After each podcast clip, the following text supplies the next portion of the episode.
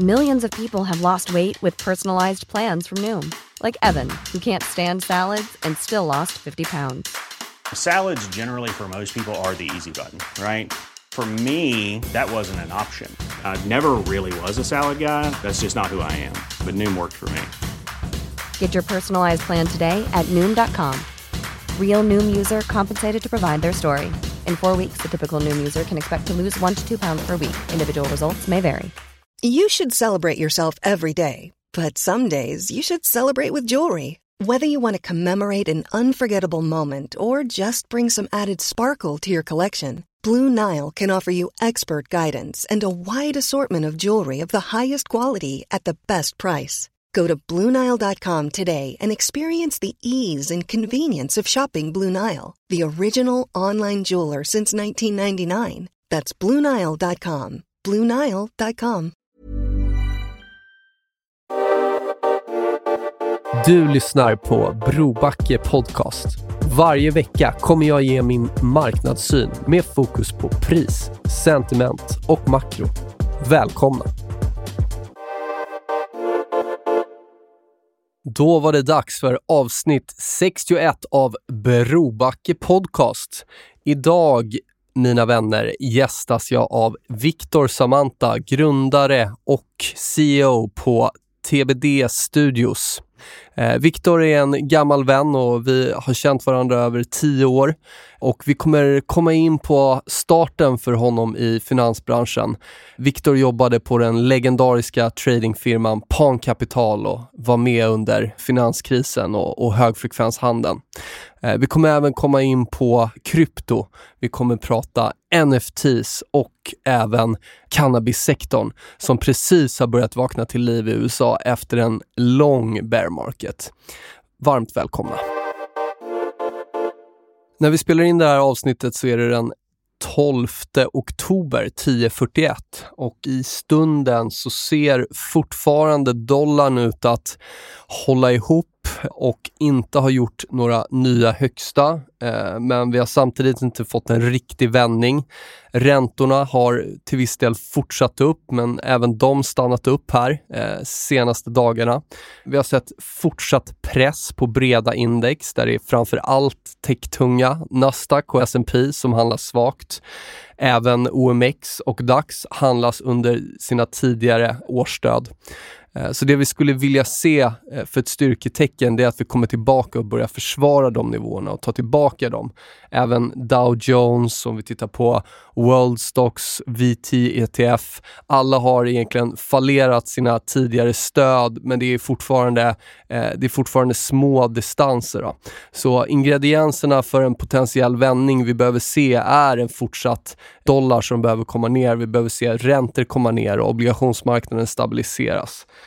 Jag fortsätter att hålla en mycket hög kassaposition i förvaltningen, över 85% och dessutom en öppen dollarrisk. Och eh, tanken är att spela det här scenariot på att om vi får de här positiva triggersarna med en sjunkande dollar, sjunkande räntor och att eh, breda index börjar ta tillbaka sina tidigare stöd, att börja allokera upp igen. Vi kan se några ljusglimtar när vi tittar på till exempel small cap som fortfarande försvarar sina tidigare bottnar. Eh, vi kan kika på banker, XLF, eh, så det finns små ljusglimtar där ute. Men överlag så riskerar marknaden eh, en större smäll och en större nedgång om vi inte krigar tillbaka de här viktiga stödnivåerna. Då. Så ingrediensen blir som vanligt, håll koll på dollarn, håll koll på räntorna och vi behöver se viktiga stödnivåer försvaras igen. Med det sagt så hoppar vi in på snacket med Viktor. Sådär, då hälsar jag Viktor Samanta, eh, CEO och grundare för Studio TBD. Välkommen till Brobacke Podcast, Viktor. Kul att ha dig med. Superkul att vara här, Brobacke. Det var länge sedan vi sågs. Det var det. Det var länge sedan. Du, jag, jag unnade mig faktiskt att, att sitta och kolla igenom eh, lite bilder och tänka tillbaka lite. Och det är faktiskt över tio år sedan som vi började började stöta på varandra på riktigt och då är det några sådana här resor som har fastnat i minnet för mig. Framförallt där 2011-2013. Eh, vi, vi åkte med en, en gemensam vän till oss, Jeremy Lander, hade precis börjat slå igenom på, på DJ-scenen och kommer bland annat ihåg eh, några episka kvällar där, bland annat när han värmde upp åt eh, Prytz på Space i Miami och så vidare. Så det var, det var riktigt roliga resor. eh, men, men vid det tillfället så bodde ju du i, eh, i Fort Lauderdale och vi fick faktiskt, jag tror första vändan så tror jag att vi, vi bodde hemma hos dig ett par dagar eh, och även andra vändan, Just det. Då, då bodde du i hus. Och du Just det. jobbade på, på ja, får vi väl ändå säga, den, den mest framgångsrika tradingfirman någonsin eh, från Sverige, Pan Capital. Eh, det var ju inspirerande för mig som liksom, eh, ganska nybliven och precis hade kickat igång min, min första förvaltning och sådär. Eh, så jag tycker vi, vi gör ett litet avstamp där egentligen. Hur, hur hamnade du i Florida och på Pan Capital? Ja, precis. Det var, jag började i finansbranschen ganska tidigt. Så jag, jag var ju på Fishers backoffice, uh, backoffice-rum äh, redan när jag var 19. Och sen så, och sen så via Fisher så, så var, de hade ju en prop, de hade en propdesk också. Så jag började på backoffice och sen var jag på researchavdelningen där ett tag och sen var jag på, på deras propdesk. Och det var egentligen där första gången jag hörde om Pan. Eh, första gången jag såg, liksom, för de tradade också en del ADRs. Och då var ju, då var ju Pan det var ju någonting man pratade om. Liksom, det var nästan hysch-hysch. Så, mm. um, så det var, typ, det var typ första gången egentligen. Och sen så, sen så var jag, låg jag på dem ganska mycket om att uh, jag skulle börja jobba där eller göra någonting vad som helst egentligen. Och, uh, så jag började jobba på Pan deltid när jag var, när jag var 21 uh, eh, på Stockholmskontoret.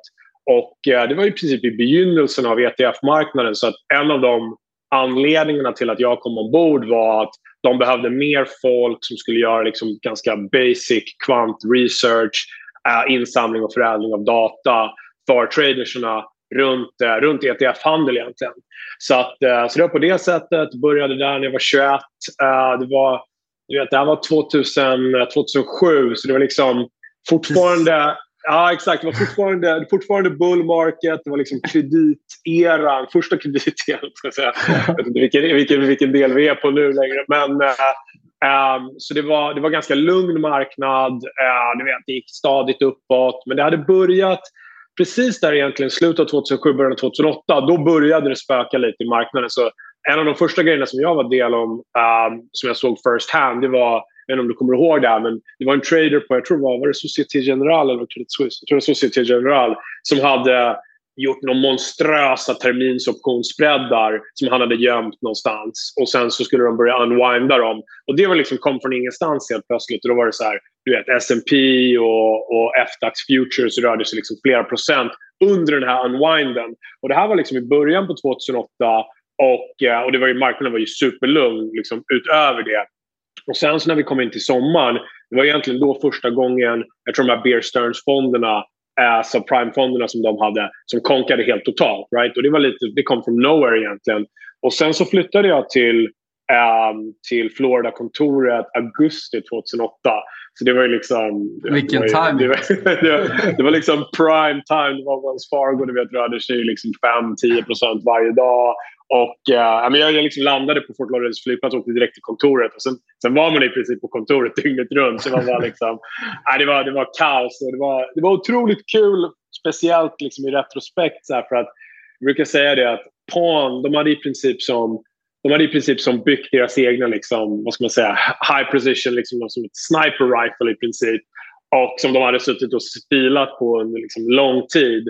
Äh, som hade utvecklats. Och sen så här kriget i princip. Och det var så här, ja, vi hade ju liksom helt, andra, helt andra förutsättningar äh, under den tiden. Och äh, det var ju någonting som de hade liksom förberett sig för under, under lång tid.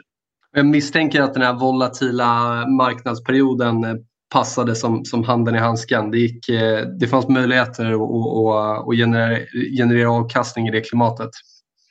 Ja, verkligen. Speciellt eftersom att äh, Pan hade ju äh, liksom hade för det första eh, liksom marknadsledande eh, connectivity och marknadsdata. Och sen så hade vi liksom e- helt egen insamling och förädling av data dessutom. Och sen även egen trading route-vara som hade byggt specifikt för det här. Så det var ju någonting som hade byggts under lång tid innan ens jag, liksom långt innan jag kom dit. Uh, så jag såg liksom precis, precis slutet av det och sen början på egentligen den största krisen då på, på ett århundrade. Så att, uh, det var väldigt, väldigt speciella tider. Och sen var det tur också för dem, som, så som de hade uppsatt. De hade ju inga externa investerare och så. så att de var ju ändå i den positionen att um, foundersna kunde axa och bromsa precis som de ville i det här klimatet. Medan andra i princip, du vet, det var ju bara, alla tog ju bara ut kapital och försökte bara Just spela det. defense. Och speciellt liksom, om man säger liksom andra tradingfirmor som var, som var backade av investerare så var det verkligen så. Så att, äh, men väldigt, äh, väldigt, väldigt speciella tider. Och Fort Lauderdale var ju dessutom ground zero för det här. För mycket av de här prime-grejerna var ju liksom där, det var ju verkligen i Fort Lauderdale. Det hände dessutom. Så det var otroligt så här, vi satt i liksom nexuset av hela marknaden. Vi handlade ju liksom, jag vet inte hur många, 30 marknader globalt dygnet runt. Och sen dessutom, precis utanför gatan, så såg man hela kondobyggnader som i princip konkade samtidigt. Så att, uh, det var otroligt, uh, otroligt speciell upplevelse. Eh, jag, jag, jag, förstår det. det. Det måste varit eh, otroligt att se från insidan. Hur, hur skulle du säga att eh, om, om eh, liksom första perioden eller delen var mycket den här högfrekvenshandeln. Hur, hur förändrades det där sen? Var det, var det samma grejer som ni, ni fortsatte att göra eller liksom utvecklades typen av, avhandel och liksom blev det... För jag, jag, vet att det kom ju en hel del competition och konkurrens där sen eh, på det här snabba. Ja, men precis. Jag tror att generellt sett så var, så var PAN väldigt opportunistiska uh, på ett väldigt bra sätt. Så att vi gjorde ju mycket det som kallas te tekniskt sett special situations också. Så mycket corporate actions, uh, olika sorters likvideringar, uppköp och konstiga sorters affärer, Krossaffärer som hände, liksom, globalt. Så vi gjorde ju mycket sånt redan och de hade ju hållit på mycket med sånt sen tidigare också. Det var ju, de var gamla optionstraders. De, de rörde sig i princip i alla olika sorters marknader där det fanns där de såg att det fanns opportunity. Och sen så tror jag att det som hände framför allt var ju att det blev nästan som ett arms race. När, folk, när vollen gick upp, volymerna gick upp och folk förstod hur lönsamt det var att handla på det här sättet och mm. göra de här sakerna. Då blev det mycket mer commoditized. Liksom den sortens risktagning blev mycket mer commoditized. Så blev det dessutom ett arms race. Så att så här, jag tror i början till exempel, co-location och, och market data, det var en sån sak som jag tror knappt man betalade för liksom, i början. Mm. Uh, börserna och uh, investmentbankerna tog knappt, tog knappt betalt för det. De visste inte riktigt ens vad det var. Och sen var det ju firmor som Palm uh, och liksom Citadel och Virtue och Jane Street och alla de här som i princip drev, som liksom drev den intjäningen och sen började då återinvestera. Eh, så det blev ju nästan som ett arms race och sen då i samband med det så dog ju vollen ut och volymerna kom ner otroligt mycket också. Så att lönsamheten blev ju extremt tuff för den sortens handel. Eh, men, eh, men grabbarna på Pan var ju väldigt, som sagt, väldigt reaktiva och adapterade fort. Så att den stora grejen som hände var ju givetvis vad som, liksom hela, som hela finanskrisen handlade om från, från grund och botten var ju, var ju subprime. Så att nu helt plötsligt fanns det ju otroligt mycket fastighetsaffärer att göra. Hela lånböcker som var upp och ner. Uh, så att de började investera mycket i liksom, single family houses och sen även liksom, olika sorters commercial, um, commercial real estate också. Så att jag tror att skiftet, fokuset var ju delvis att det skiftade ditåt och sen också att så här, lönsamheten för att göra högfrekvenshandel försvann och de kände inte att det var värt att göra de här stora investeringarna som krävdes för att hålla sig konkurrenskraftig på de liksom otroligt eh, små marginalerna som det ändå var. Um, så, att, uh, så att det utvecklades ganska naturligt. Jag tror att det, liksom, det var ju definitivt liksom, det var ju helt klart rätt move. Um, så att, uh, på det sättet så utvecklades det lite och så blev det, jag skulle säga, gick ifrån extrem högfrekvenshandel till kanske lite längre, uh, lite längre liksom, mer kanske swing trading-cykler som, där det fortfarande fanns liksom, marginal att göra de sortens affärer. Otroligt spännande. Du, vi, jag vet att vi, vi, vi har pratat kort om det innan men många av de firmorna som var konkurrenter till, eh, till Pan då, de har ju gett sig liksom med huvudet in i, i kryptospacet. Eh, och jag vet att du, du hittade ju och blev intresserad för, för krypto och såg liksom Eh, Eh, det har vi också pratat om tidigare, såg, såg eh, intressanta tendenser och, och, och, möjligheter som, som uppstod med den här nya tillgångsklassen som det ändå är. Kan, du inte, kan vi inte hoppa in och prata lite kring krypto? Eh, och inte minst jäkligt spännande just nu också tycker jag med tanke på hur klassiska tillgångsklasser handlas och vilken volatilitet och vi kanske snarare till och med ser en lägre volatilitet just nu i, i, i krypto. Då. Så hur ser du på krypto och hur, kom du liksom, hur blev du intresserad av, av kryptomarknaden? Ja, precis. Jag, jag vill egentligen varit intresserad av krypto fram och tillbaks uh, sen, sen 2016 egentligen. Men, uh, men liksom tittat på det från, liksom hållit på med andra saker var ju, var ju, som vi ska prata om senare, liksom involverat i cannabis mest. Um, det som jag tyckte var mest spännande egentligen det var när de första börserna, liksom kryptonative-börserna kom, kom upp som var helt decentraliserade. Så att så här, till exempel Uniswap, det var ju den här, det som kallades DeFi Summer som var egentligen slutet på 2020. Så det var egentligen första gången som jag kom i kontakt med det och tyckte så här, wow, det här är spännande. Det här är någonting som är faktiskt innovativt. Sen kan man säga liksom, bitcoin är innovativt i sig också. Uh, jag måste erkänna att jag förstod inte riktigt tjusningen av bitcoin i början. Uh, men måste säga att när det har nått kritisk massa så är det ju ett otroligt intressant tillgångsklass som det är i dagsläget. Men jag tror att de första sakerna som jag såg som jag verkligen tyckte så, okay, det här är liksom mer eller mindre revolutionerande, det var Uniswap och SushiSwap.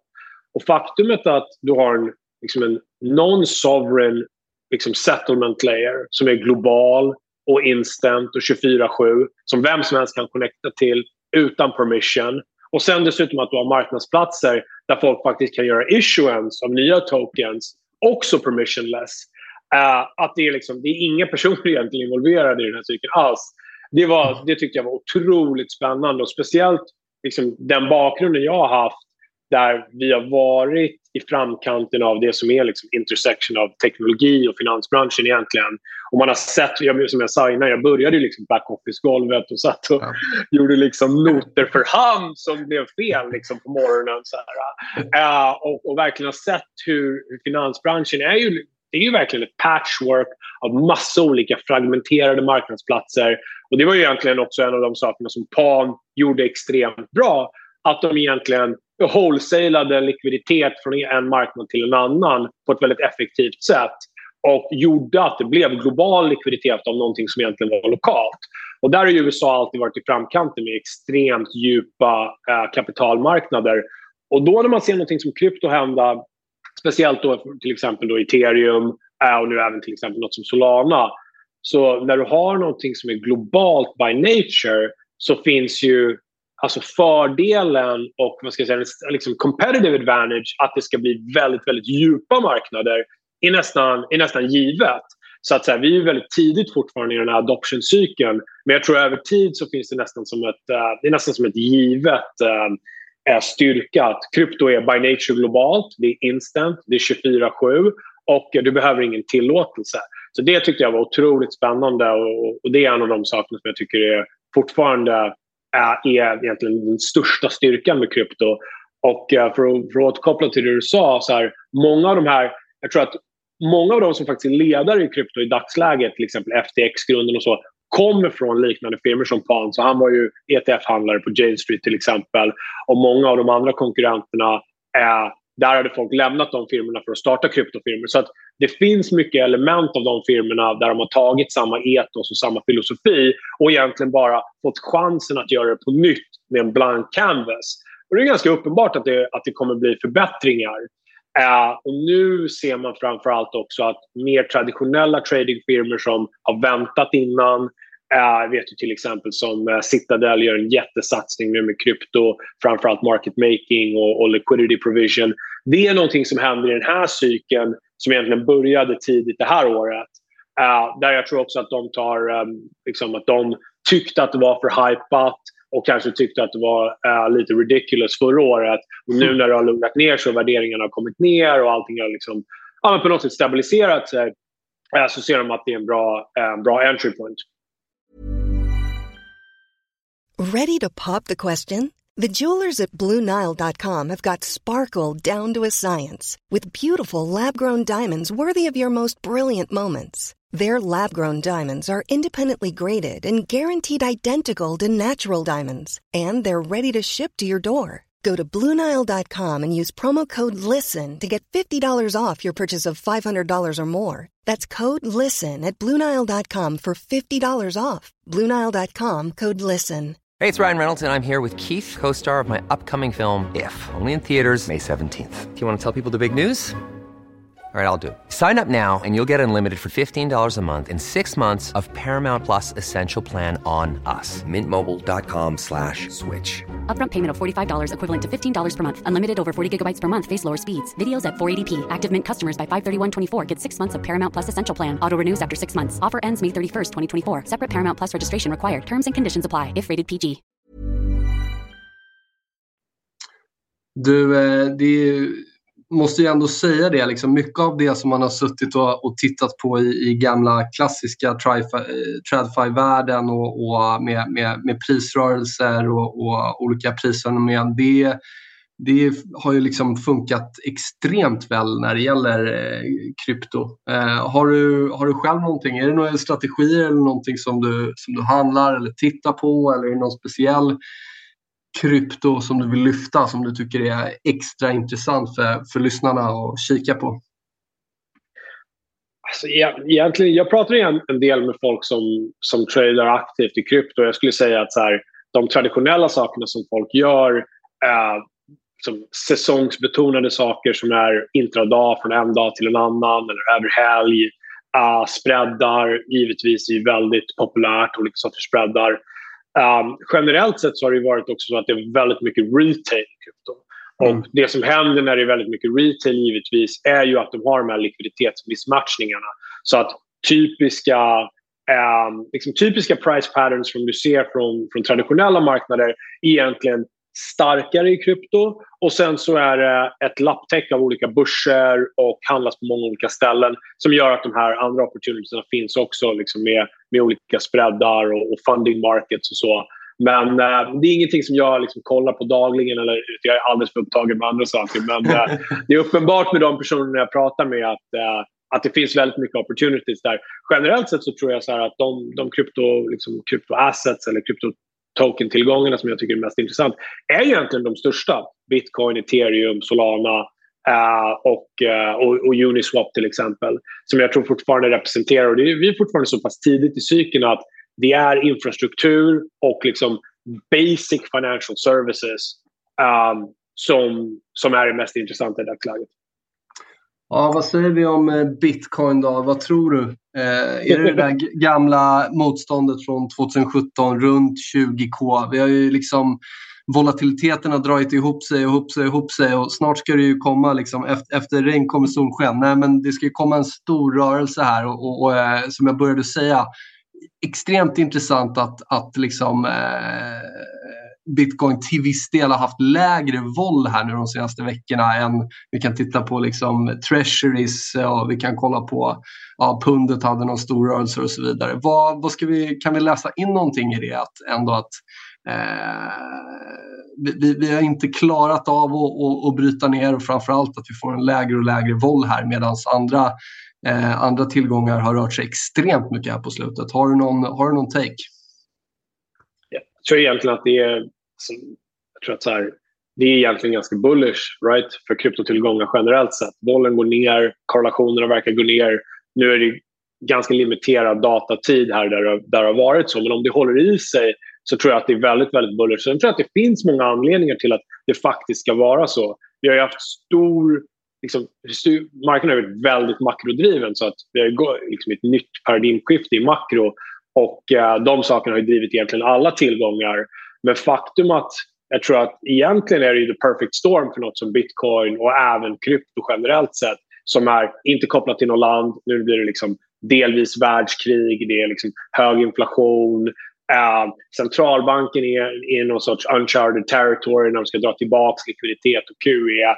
Um, ehm, Bitcoin representerar ju ändå någonting som jag tror är en väldigt bra diversifierare. Um, och om man tittar på det bara generellt sett som narrativet som jag tror är det starkaste är ju någon sorts digital gold eller gold 2.0. Och um, från det perspektivet så tror jag att det har perfekt um, diversifieringsmöjligheter i krypto.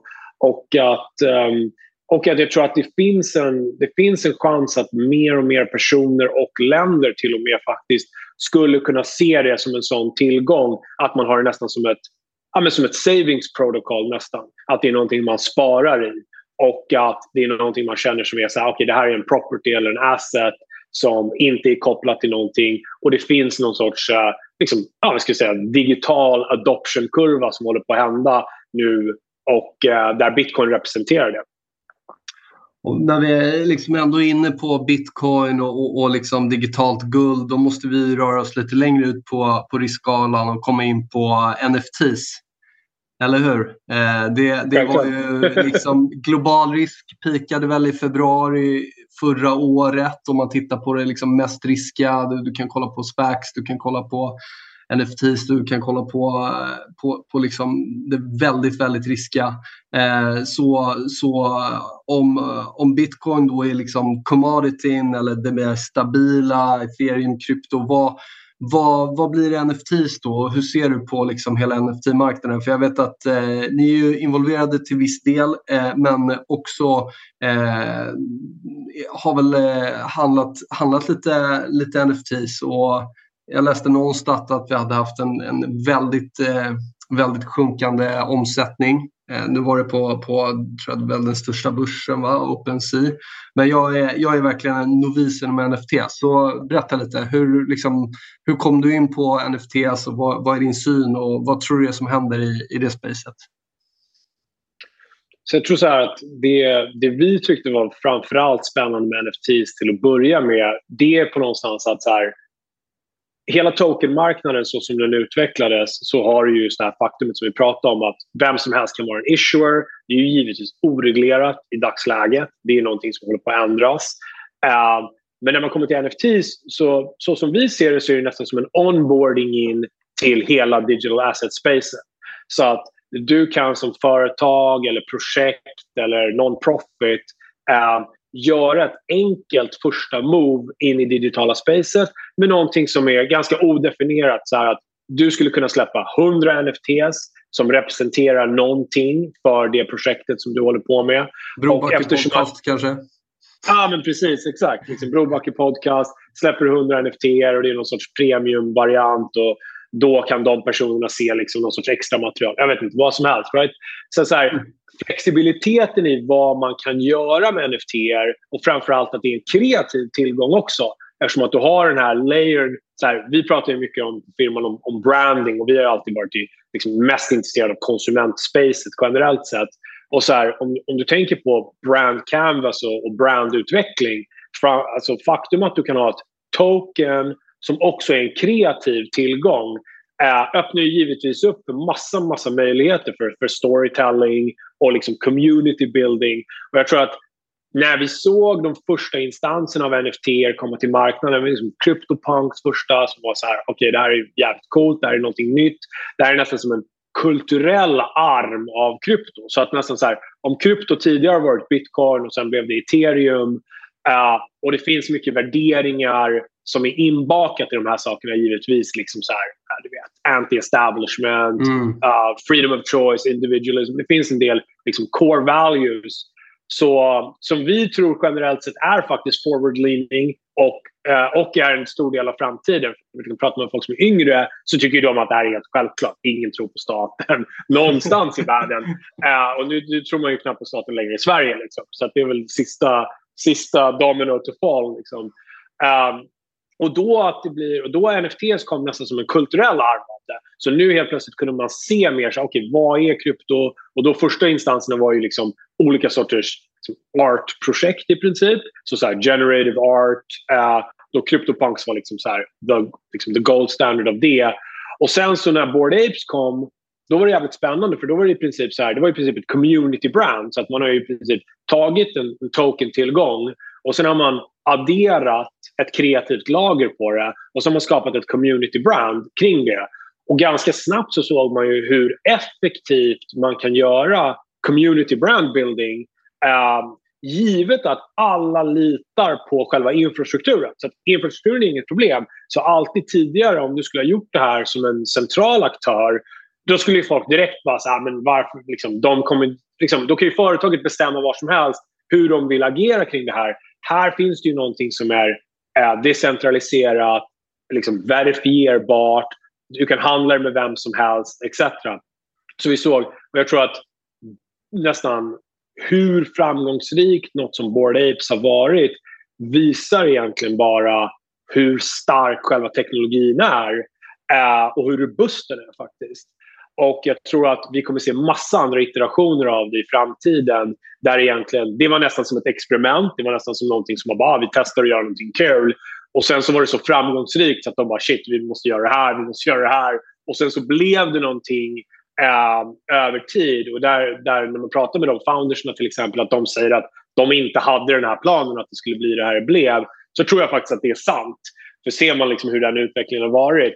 Men nu när man har data och vi har lite track record av hur saker har hänt i NFT-världen så tror jag, att det finns, jag tror att det är väldigt spännande att hitta vad det kan betyda för, för ens egna företag och, eh, och göra ett bra sätt att liksom aligna incentives, aligna rewards och sen även göra någon sorts value sharing.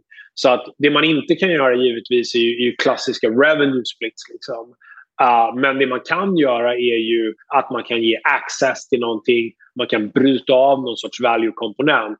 Och, eh, och det kan vara drivern för, för värdet av NFT i sig.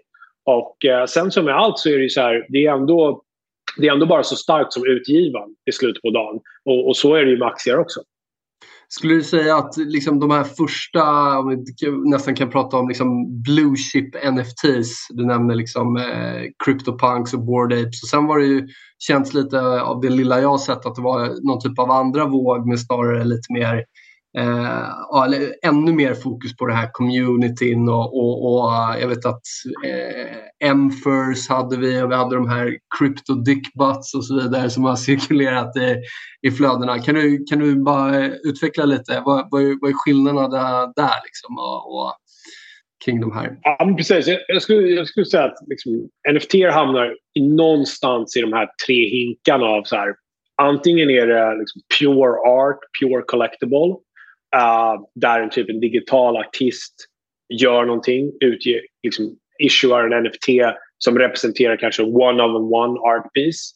Um, sen så har du ju liksom mer, skulle jag säga, corporate backed NFTs. Så att så här, Bored Apes representerar ju sånt. Det är ett företag bakom. Det är ett väldigt stort företag till och med nu i dagsläget.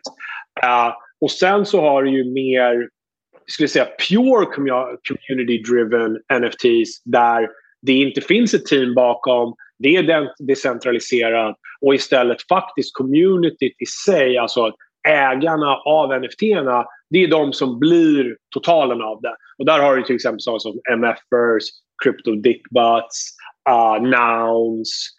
Så, och det, precis, jag tror att de de kom ut av egentligen att man skulle egentligen ta tillbaka etoset av webb 3 som har mycket att göra med att det ska vara decentraliserat och att det ska vara faktiskt pure community building.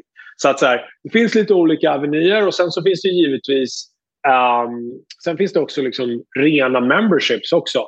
Där det är så här, det här är någonting som är, det är backat av ett projekt eller backat av en corporation.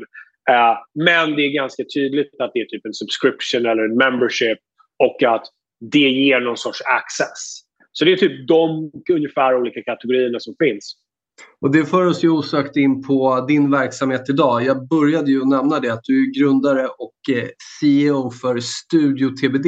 Kan du inte berätta lite om Studio TBD? Vad är det ni gör och eh, vad är kopplingen till eh, kring NFT? Så Studio TBD vi är ett, liksom ett konsument, next generation consumer platform så att det vi håller på med är ju cannabis och krypto. Och vår målsättning är att de här sakerna ska nå mainstream adoption. Så vi började i cannabis. Um, vi hade utvecklat infused gummy products och infused beverage products som, som har då både THC och CBD. Framförallt då höga nivåer av CBD och liksom låg till genomsnittliga nivåer av THC. Så, så här, vår viewpoint var att cannabis är, och det är lite samma sak egentligen som krypto, vi är som i Napster-eran av cannabis i dagsläget. Då så här, den absolut största delen av cannabismarknaden är är olaglig. Så att cannabismarknaden globalt är så 300 miljarder dollar eller någonting omsättning. Eh, legala marknaden i USA är kanske 30 miljarder dollar i dagsläget. Och sen även olagliga marknaden i USA kanske är 60-70 miljarder dollar. Så olagliga marknaden har exploderat faktiskt i och med legaliseringen. Så, så här, riskpremien har gått ner eh, för folk involverade i den olagliga sektorn. Och sen så även har ju awarenesset och produkterna blivit så pass mycket bättre. Så att så här, det man hade förr i tiden var liksom typiska first gen-produkter som är klassiskt flower weed-produkter. Och sen började man utveckla, extrahera olja ur det. Oljorna blev liksom vape-produkterna som också någonstans är, liksom, de är på något sätt first gen också. Och sen skulle vi säga att nästa steg i det vi kallar liksom second generation eller next generation cannabis är kombinationer av CBD och THC i infused form. Så fast acting gummies och uh, fast acting beverages. Och vi tror att vi har ju samplat och hållit på liksom ganska länge i cannabis och, och, och har liksom mycket anekdotisk information om vad som händer. Och det finns ju bara nästan anekdotisk information också. Just så att vi ser det liksom som att så här, det här är det som krävs för att cannabis ska verkligen gå mainstream. är den här nya sorternas produkter, eh, annorlunda branding som liksom tilltalar massorna. Så cannabis är fortfarande bara i lindan och, och de, de bolag som är stora i dagsläget de fokuserar i princip på så här, antingen jätteheavy consumers, liksom klassiska stoners eller så är det ju nu liksom, det som bipolära motsatsen till det är då eh, microdosing och wellness. Och vi tror någonstans att båda de här sakerna är nischer och att det finns en, liksom massorna är någonstans i mitten istället. Så att så här, vi började där och sen så ganska snabbt så när vi började sampla produkterna och det här var ju faktiskt precis i slutet på DeFi Summer så vi hade vi kollade på krypto och vi såg vad som hände och tyckte det var spännande. Och så började NFTs komma. Och vi är, jag och min partner Robert då, um, som är liksom brandspecialist i det här som kommer från advertisingvärlden och liksom brand, brandstrategiguden. Uh, vi hade alltid pratat om att det måste, vi måste göra mycket storytelling. Det finns mycket olika stories att berätta här och att man helst på något sätt vill vara publisher av sin egen storytelling. När NFT kom då plötsligt så såg vi att det här är ett perfekt opportunity att göra storytelling via NFT och göra community building också. Så att så här, då började vi titta på det från den angeln. Och sen så när vi blev mer involverade i krypto så sa vi så här, men vänta nu, så här, vi skulle ju kunna egentligen i intersectionen av next generation cannabis och krypto faktiskt vara katalysatorn för att båda de här sakerna ska nå mainstream adoption. Så att många av de personerna som har köpt vår NFT um, ehm, och vår NFT i dagsläget by the way det är väldigt basic. Så här. Det är en utility membership token som gör att köper du den så får du 50% off i vår, i vår webbutik. Och sen senare kommer vi addera mer utility kring det och göra i princip att det blir som en full access. Vi kan tänka på det som vårt Amex Black-program i princip. Uh, och många av de som har köpt våra NFT, det var första NFT de har köpt. Och samma sak på, på cannabis-sidan så har vi väldigt många som i princip aldrig har varit konsumenter av cannabis eller var konsumenter kanske när de var du vet, i high school eller liksom, liksom när de var mycket yngre och sen så har mm. de liksom skaffat jobb, familj och så. Och sen så är det samtidigt någonting som vi kan prata om vid något annat tillfälle. Cannabis har också blivit extremt mycket starkare över åren. Så att cannabis är 2 till 3 x starkare än det var till och med när vi bara var ungdomar. Uh, och sen då folk som var äldre än oss, när de var ungdomar så var det mycket, mycket svagare. Så att vi har liksom ombordat tillbaka folk in i cannabis och vi ombordar folk in i krypto. Uh, så att det är liksom vår övergripande mission och, uh, och mål. Och Det där är intressant, för, för det hade vi pratat lite innan Ni, den, de produkterna ni har, ni sourcar ju egentligen inte CBD och, och THC från cannabis idag utan det är ju från hampa eller industrihampa. Uh, och det gör ju också att ni faller under ett helt annat regelverk som jag förstår. Precis, så att vi, våra två olika produktlinjer är ju uh, infused beverages och infused edibles. Uh, på, på dryckessidan så gör vi allting licensierat i Kalifornien så att det är liksom closed loop, allting är licensed. Det är licensed manufacturing, licensed distribution, licensed retail. Uh, på edible-sidan däremot så är det en, det är en separat supply chain. Och uh, där är det precis sant som du säger. Vi, vi sourcar all biomass från hemp och det som har hänt över åren då, det är att det har i princip skapats, skulle kalla det restprodukter från hemputvinning som man egentligen från första början inte visste riktigt vad man skulle göra med. Och eh, de liksom, restprodukterna, de kallas faktiskt mother liquor i det här fallet, är, det är hemp biomass, så det är från industrihampa. Och sen tillverkar vi edibles eh, av det. Och det som händer då det är att våra edibles-produkter är tekniskt sett och legalt sett en industrihampa-produkt. Så även fast man faktiskt blir hög av den och den har tillräckligt mycket THC i milligram så är THC-halten lägre än 0,3% per torrvikt.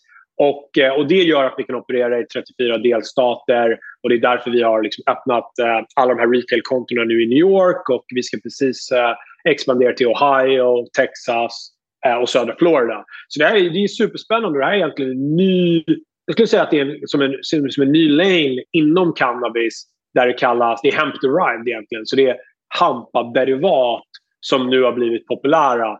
Och eh, ja, det är, det är en jättemarknad som, som ökar lavinartat. Och inte unikt bara för USA, eller hur? Utan det är ju, ni får ju det... potentiella marknader i Europa också. Ja, men exakt. Så det, det, är egentligen, det, är egentligen det är en global grej som händer. Och eh, så får man se lite hur, hur regleringarna kommer att utvecklas över tid. Eh, I Europa så, så vet jag inte exakt hur det kommer, hur det kommer, hur det kommer spela ut.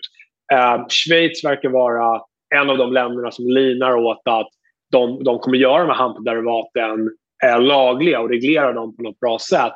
Eh, och i USA, det vi har sett som är väldigt, väldigt ehm, promising är ju att många delstater faktiskt gått ut och sagt att vet du vad, vi gör de här hampaderivaten lagliga och så bestämmer vi istället hur de ska vara reglerade. För Det är uppenbart så att folk säljer dem redan, folk gillar dem, det finns skattepengar att tjäna.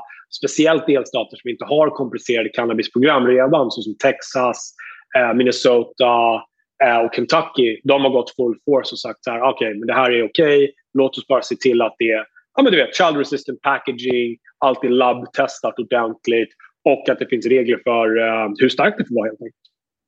När vi ändå är inne på det kära ämnet cannabis så måste vi faktiskt eh, nämna här senaste, senaste uttalandet från eh, USAs president Biden. Eh, dels så handlade det om en, en benådning för alla som, som eh, eh, satt i fängelse för cannabisrelaterade brott. Och sen tog man ju också upp eh, eh, att man vill utreda eh, cannabis om, om det faktiskt ska vara eh, olagligt på federal nivå. Eh, kan vi, och jag såg ju direkt att de här cannabisbolagen som har varit i långa negativa trender fick ett ganska, ganska bra skutt. Men jag tycker vi kan väl öppna lite där kring, kring det här uttalandet och sen också komma in på lite på lite place och, och vilka, liksom, om, vilka bolag det borde vara intressant för och kanske eh, om, om det faktiskt har, har en påverkan.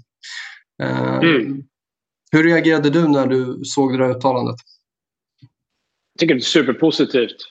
Um, jag menar givetvis att, att de gör någonting för det första för alla som, som sitter inne för liksom non-violent cannabisbrott uh, är, är ju en no-brainer.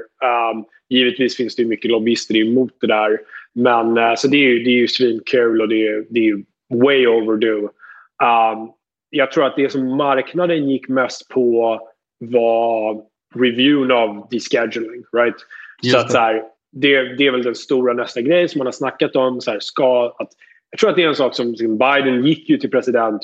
Han, det var ju en sån sak han verkligen pitchade att han skulle göra. Uh, jag tror att alla egentligen är ena om att så här, cannabis det är ganska, ganska otroligt att det fortfarande är Schedule 1. Sen så är det givetvis en stor apparat kring det där att, att deschedula. Men uh, att den reviewen har dragit igång är superpositivt. Deschedulingen i sig jag menar, det, det är några saker som är, som är framförallt intressant för uh, liksom, om vi säger de olika operatörerna som är involverade i cannabis så är det så här. Det de väntar på mestadels är eh, clarity kring banking. Just det. Så att i Stor, dagsläget är det fortfarande... Ja. ja, men exakt. Så det är så här, banking finns till viss del, men det är liksom fragmenterat. Eh, många cannabisoperatörer kan använda sig av banksystemet till viss del, men det är absolut inte så att liksom hela, om man säger, hela kapitalmarknaden finns till sitt förfogande för de här cannabisbolagen. Och sen så är det också så här, det är en otroligt hård beskattning för cannabisbolag. Eh, uh, 280E som är liksom taxkoden, tax treatment för, för cannabisbolag är ju, den är ju bisarr. Liksom. Så att, så här, att de här sakerna börjar gå åt rätt håll nu, att man kanske får bort de här liksom speciella tax treatment, att man öppnar upp för banking, då först kanske då genom Safe Banking Act, men sen senare också genom descheduling, uh, så kommer det göra otroligt mycket för industrin generellt sett. Och sen givetvis som du har sagt, det har varit en lång bear market. Värderingarna är liksom absoluta botten. Och jag menar, de, de stora bolagen tjänar ju mycket pengar och har signifikant scale. Så att eh, de är ju i en väldigt bra position. Men Men de är också OTC-noterade. Så att det är väldigt många som inte ens kan köpa dem. Fonder eh, och liksom custody som inte ens kan faktiskt köpa de aktierna. Så att det är fortfarande, det är fortfarande ett momentum som håller på att byggas. Jag tror att det ska bli intressant att se hur Um, hur, hur, hur, det spelar ut egentligen med descheduling. Jag tror framförallt sett för, som vi pratar om, är så att det kommer göra en otroligt stor sak för hampa-derivatmarknaden För att hampa-derivatmarknaden i dagsläget, hampa-derivaten är federalt lagliga. Så vi brukar prata om att så här, cannabis är redan lagligt. Bara att folk inte riktigt har märkt det än. Right? Så att yeah. så här, nu med de här hampaderivaten så är faktiskt cannabis lagligt och det uppför sig som att det är lagligt i många delstater. Det har bara inte riktigt nått gemene man och det har inte riktigt, folk har inte riktigt fattat det än. Och sen de här stora bolagen som är involverade i cannabis som är liksom the incumbents som cannabis. Problemet där är att de har investerat otroligt mycket i sina licenser och sina speciella supply chain. De har investerat otroligt mycket i, i capex, i, i liksom cultivation. eh, och sen då i förhoppning om att regulation ska, liksom, äh, ska lossna. Och sen har det tagit längre tid och det inte har hänt. Det typiskt sånt fall är ju New York och New Jersey. Så förra året så var det massivt mycket capex och olika investeringar som skulle göras för de här nya marknaderna. Och sen så har bara allting tagit otroligt mycket längre tid. Och sen så är finansieringen tajtat ihop sig. Så att så här, finansieringen från de här stora bolagen som ändå omsätter liksom en halv miljard dollar i revenue. Uh, är, liksom, är jättetuff i dagsläget. Så, att, så här, det finns många av de olika sakerna som, som är väldigt, väldigt positivt för marknaden. Och jag tror att äh, de liksom, top tier-bolagen, som egentligen de som är absolut störst, är Green Thumb, Cresco, AIR, um, ehm, Curaleaf. Det är de som kommer kunna gynnas av det här mest. Så att så här, om det är några bolag man ska satsa på av de listade så skulle jag nog säga att det är de. De har significant scale redan. De har retail, de har hela supply-kedjan. Eh, och capex-cykeln är över faktiskt för dem. Så att så här, det kommer vara mycket, mycket högre free cash flow going forward. Speciellt när de här marknaderna nu kommer online nästa år och året efter det. Eh, de kommer kunna köpa tillbaka extremt mycket av sina aktier billigt. Så, så här, det skulle kanske redan kunnat hända utan det här. Uh, men givetvis att det händer gör bara ännu mer. Men det som är grejen med cannabis skulle jag säga är att de absolut starkaste bolagen är privata. Just det. De, är, de finns inte ens på börsen ännu. Nej. Um, cookies till exempel tjänar otroligt mycket pengar. Jättestark brand. Um, Kiva, jag menar, iHeartJ. Det finns en rad jättestarka bolag som tjänar mycket pengar. Som har otroliga fördelar när det kommer till, uh, när det kommer till federal legalisering som, som tyvärr man inte, kan, man inte kan investera i publikt. Och det, är det kommer komma en, en, andra våg av noteringar. Komma... Och, även oh, ja. på, om man tittar på vad ni sysslar med, alltså hampaderivaten och så vidare. Är det liksom en, en andra gryning för, för cannabisaktier? Eh, oh, ja.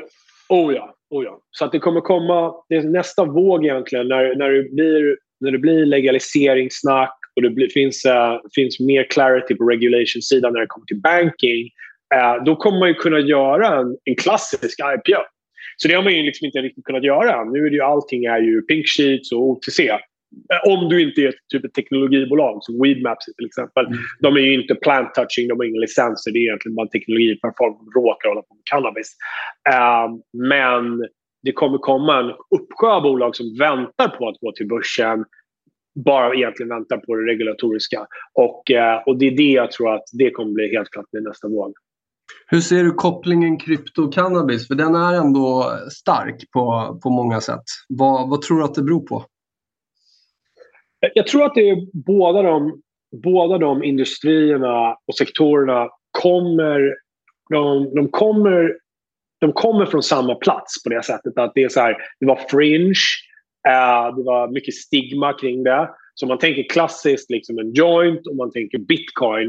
Uh, de två sakerna har liksom utvecklats på samma sätt. Och egentligen är så här, i början så var, ju, var det ju just till snack om att det första man handlade med bitcoin var faktiskt weed, eller hur? Uh, till och med liksom första iterationen av Silk Road. Etc. så, här. så att de kommer från fringe och de kommer från väldigt stark stigma. Och nästan i cannabis fall då är det liksom, var det olagligt i, bitcoins fall så, så var det väl inte direkt olagligt men det var oreglerat och det hade egentligen bara att göra med liksom illicit uh, markets. Right?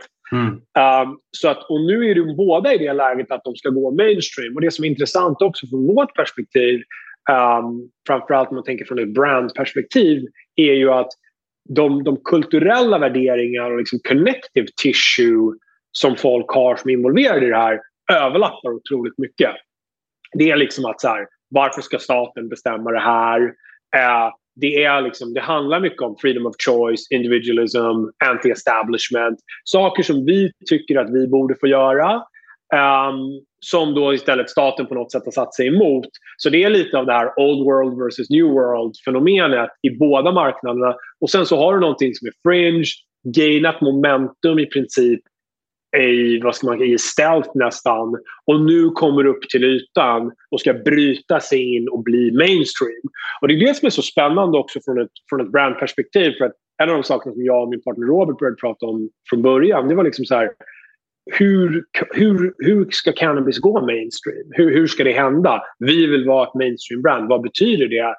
För någon som honom som kommer från den världen så är det så här, det är en fråga man aldrig har fått. För Det är nästan alltid så att du bygg, det finns redan stora brands och så ska du egentligen göra någonting mer fragmenterat.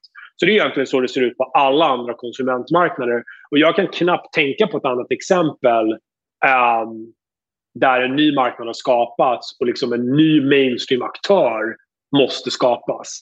Så, att så här, det, är ett intressant, det är ett intressant problem för någon som är brandstrateg och någon som kommer från marknadsföringsvärlden. För det har nästan aldrig, nästan aldrig, aldrig någonting hänt, hänt förut på konsumentsidan. Och nu händer det på både konsumenttech och recreational culture. Som någonstans är liksom, alltså här, det är bland de största sakerna vi håller på med i dagsläget. Mm. Ja, det är otroligt spännande alltså. Du, eh, mm. Stort tack Viktor. Jag är säker på att vi får möjlighet att eh, prata vidare en annan gång. Eh, ja, det var superkul. Det lär hända mycket. Eh, tack, för, tack för att du tog dig tid och, och gästade Brobacke podcast. Och, eh, ja, eh, otroligt roligt att prata med dig. Och lycka till så, så hörs vi framåt. Detsamma. Tack så hemskt mycket. Ha det bra. Tja. Ja, detsamma. Tja.